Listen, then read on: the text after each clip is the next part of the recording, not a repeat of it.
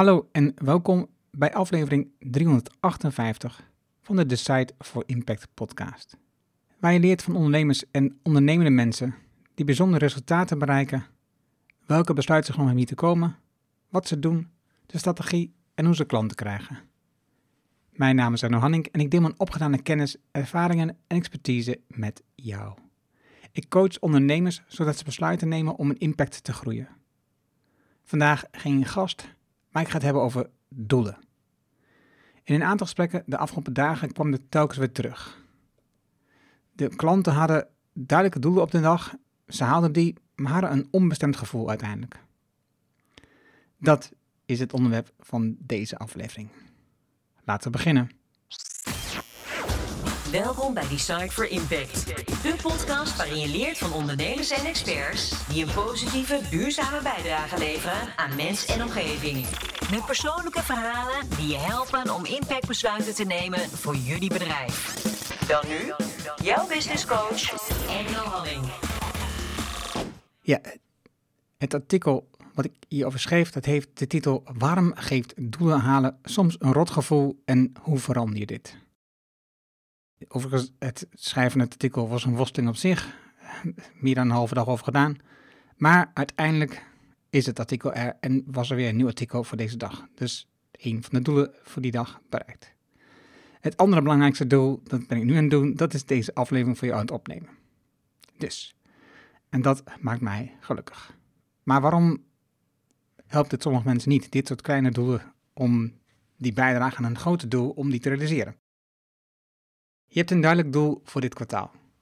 Daarnaast schrijf je iedere dag de belangrijkste doelen op die je vandaag moet doen om dichter bij dat kwartaaldoel te komen. Aan het einde van de dag heb je de acties gedaan, maar heb je niet het voldane gevoel dat je had verwacht. Sterker nog, je bent niet tevreden. Je honger naar concreet resultaat is niet gestild. En dat komt omdat de grote doelen achter dat dagelijkse doel niet zijn afgerond. Wat doe je als het behalen van de gestelde doelen voor de dag aan het einde van de dag je niet gelukkig maken? Hoe maken grote doelen gelukkig? Bereik je meer wanneer je je richt op grootste doelen? Jim Collins zegt van wel in zijn boek Build to Last. Een B-hack, dat grote, gedurfde, dappere doel, helpt je om meer te realiseren dan je voor mogelijk houdt was een van zijn conclusies na het onderzoeken van enkele bedrijven die zeer succesvol waren. De omschrijving van Jim Collins is: de beste B-hacks vereisen zowel het bouwen van de lange termijn en het uitstralen van een medogenloos gevoel van urgentie. Wat moeten we vandaag doen met een monomane focus en morgen en de volgende dag om de waarschijnlijkheden te trotseren en uiteindelijk onze B-hack te bereiken? En ik zie de energie die ondernemers in hun teams krijgen van een uitdagende en urgente B-hack. Zoals Yvette Watson van To Be Collective. Of Katja Deal, de schrijver van het boek Autocorrectour. Of Rob van den Doel van Jumeco. En Tom van Lubbe van Visie. De energie die ze uitstralen. Het ziet er voor mij uit dat ze iedere dag uit hun bed springen om met dat doel aan de slag te gaan. Kan het zijn dat het halen van je dagelijkse doelen een onbestemd gevoel achterlaat omdat je niet het gevoel hebt dat je dichter bij het grootste doel komt? Is dan je grootste doel niet uitdagend of urgent genoeg? Of is iets anders aan de hand? Het effect van cultuur op jouw gevoel met doelen. Aan de ene kant heb je mensen die het heerlijk vinden om een B-hack en KPI's na te streven. Aan de andere kant heb je mensen waarbij het proces veel belangrijker is dan het resultaat. Door het proces te volgen vertrouwen ze erop dat het resultaat wordt bereikt. Doe iedere dag het werk en je komt dichter bij je doel. De wijsheid uit het Verre Oosten die je ook terugvindt in het Stoïcisme. In het boek Lessen van een Samurai kom je de uitspraak tegen dat het volgens de Japanners nog steeds prima is wanneer je in de laatste uren voor je dood de zin van het leven ontdekt en je daar goed bij voelt. En daar staat bij, tot die tijd werk je gewoon door. Zo heb je aan de ene kant de cultuur in het Verre Westen, de VS, waarbij meten, registreren en grootse doelen hebben de afgelopen 100 jaar de normaal was. Aan de andere kant heb je de cultuur in het Verre Oosten met het denken in processen en werken aan het voorbestaande lange termijn, in plaats van persoonlijk succes en geluk nastreven. En daartussenin heb je de Europese cultuur.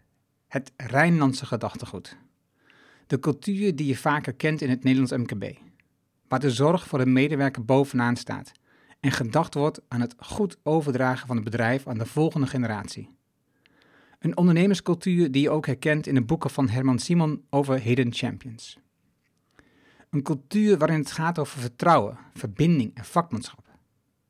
Je vertrouwt de medewerker dat ze het juiste doen, omdat ze vakmanschap hebben. En je werkt continu aan de lange termijn van het bedrijf, het voortbestaan. Als oprichter of eigenaar denk je steeds aan de volgende generatie. Dat is je drijvende factor. Daar is geen b-hack voor nodig. Al zie je in Nederland dat het de afgelopen decennia steeds meer vermengd is met Anglo-Amerikaanse kenmerken, zoals de C-level titels, de KPI's en een B-hack. Wat heeft jouw voorkeur? Wat voelt goed? Met duidelijke doelen staat de toekomst niet vast. Mijn voorkeur is dat we er goed aan doen na te denken over het effect van wat we nu aan het doen zijn voor de volgende generaties. De impact van wat we nastreven bekijken over de lange termijn. Maar hoe vertaal je dat naar dagelijks geluk? Zoals ik eens een Deen hoorde zeggen dat de verklaring waarom ze bovenaan de lijst van landen staan met de gelukkigste mensen is, omdat ze lage verwachtingen hebben. De uitspraak van deze Deen was misschien geen wetenschappelijk onderbouwde verklaring, maar ik denk ook dat het helpt om lage verwachtingen te hebben voor een gelukkig leven. Een b-hack kan je volgens Jim Collins verder helpen. Maar bedenk je dat deze gedachte komt uit een cultuur waarbij er continu gedacht wordt in winnaars en verliezers. Een voorstander van de b-hack zal nu misschien zeggen dat jouw vooruitgang de maatschappij meetrekt. De zogenaamde trickle-down economy. Robert Reich legt uit waarom dit niet werkt en wat wel. Beter veranderen winstmaximalisatie in impactmaximalisatie, zoals Alain Z zegt. Door te concentreren op het werk dat we te doen hebben, zonder te veel te letten op de grootste economische resultaten, en door de kleine resultaten te vieren, de dagelijkse overwinning. Bijvoorbeeld dat je in staat bent geweest om je te concentreren op het werk, de afleiding hebt kunnen weerstaan en de drie belangrijkste doelen voor vandaag hebt gerealiseerd. Dat gesprek met die medewerker, samen met je gezin eten, lachen. Wat een beter resultaat oplevert, hoe jij omgaat met je doelen, is lastig te onderzoeken. Wat als je je leven anders had ingericht, andere doelen had gebruikt? Had je dan meer bereikt en meer succes gehad? Wat is je definitie van succes van nu? Maar wat is die morgen? Het doel van al deze vragen is dat je er zelf over gaat nadenken.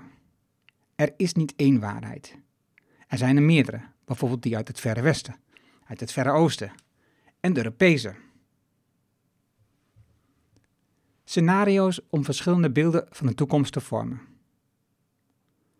Als je mensen ontmoet die doen alsof ze zeker zijn van de toekomst, omdat ze een duidelijk doel nastreven, dan zou ik daar niet te veel naar luisteren, zei Egger van de Poel.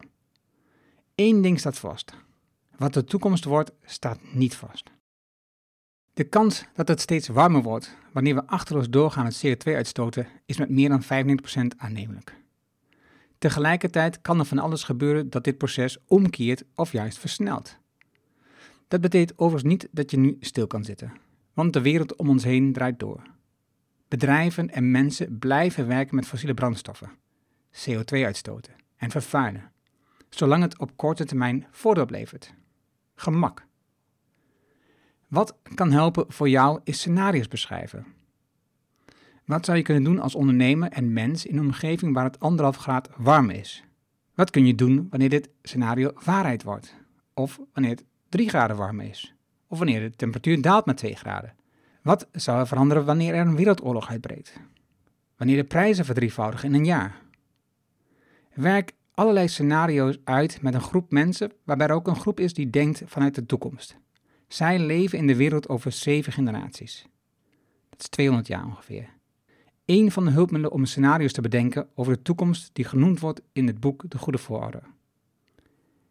Je weet niet wat de toekomst wordt, maar je kunt wel scenario's bedenken waar jullie bewust aan willen werken. Wil je meer lezen over scenario denken? Lees dan het interessante boek De Levende Onderneming van Arie de Geus. Nog één tip om anders te denken over doelen. Antidoelen. Bewust kiezen wat je wilt vermijden. Zouden antidoelen een oplossing kunnen zijn voor jou? Andrew Wilkinson legt uit hoe zij een van de lessen van Charlie Munger hebben doorgevoerd in een bedrijf. Ze keken niet naar hoe een perfecte dag eruit zou zien, maar hoe een verschrikkelijke dag eruit zag. Vol lange vergaderingen, een volle agenda, omgaan met mensen die we niet mogen of die we niet vertrouwen, mensen dingen schuldig zijn, geen controle hebben, verplichtingen, verplicht op kantoor zijn, reizen. Dit hebben ze vertaald naar antidoelen om een dergelijke verschrikkelijke dag te voorkomen. Ik noem er een paar.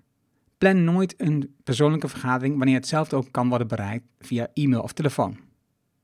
Niet meer dan twee uur geplande tijd per dag.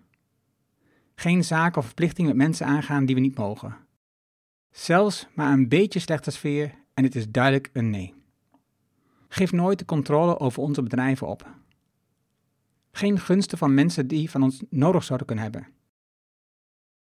Werk vanuit een café tegenover een prachtig park waar we kunnen komen en gaan wanneer we willen, zonder dat iemand ons lastig valt.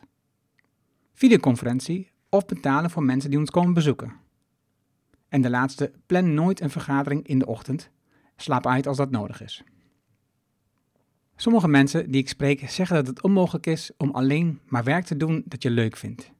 Er moet tenslotte ook geld verdiend worden. Ik denk dat Andrew en zijn partner Chris dicht in de buurt komen. Vaak worstelen ondernemers waar ik mee werk met het gevoel wanneer het team groter wordt. Kijk dan naar de werkwijze van Tiny, het bedrijf van Chris en Andrew, en trek je eigen conclusie. Zo, mijn belangrijkste doel voor vandaag is de podcastaflevering van deze week inspreken. Dat is nu gebeurd op basis van dit artikel. Een vinkje voor 3 augustus. En dit vinkje draagt bij aan mijn podcast, mijn lange termijndoel en aan mijn weekdoelen. Overigens vanaf volgende week weer gesprekken opnemen met interessante mensen voor de podcast die dan ook weer worden uitgezonden. Je vindt de namen en bronnen die ik noemde in het artikel dat bij deze aflevering hoort. Ga daarvoor naar de site voor impact.com slash show 358. Wil je vanzelf automatisch de volgende afleveringen van deze podcast op je telefoon ontvangen? Dat is heel eenvoudig. Heb je een iPhone, dan zit daar standaard de Apple Podcast app op. Open die app en zoek de Decide for Impact podcast op en klik op abonneer. Heb je een Android-telefoon, installeer dan bijvoorbeeld eerst de Player FM app. Open die app, zoek de Decide for Impact podcast op en klik op abonneer. Dankjewel alvast dat je je abonneert op deze podcast. Heb je vragen, opmerkingen, reactie over deze aflevering over doelen stellen of over de podcast in het algemeen? Stuur dan een e-mail naar podcast@decideforimpact.com. Ik hoor super graag van jou. Wil je meer impact, meer resultaat, meer effect van je werk en vooral meer effect voor de mensen met wie je werkt? Download dan het whitepaper Winst en Impact met lange termijn besluiten op decideforimpact.com. Dit is mijn nieuwste whitepaper en je downloadt het daarom helemaal gratis. Je hebt zelfs geen e-mailadres nodig. Vraag jouw whitepaper nu aan op de site van impact.com. En ik weet, je hebt een volle agenda.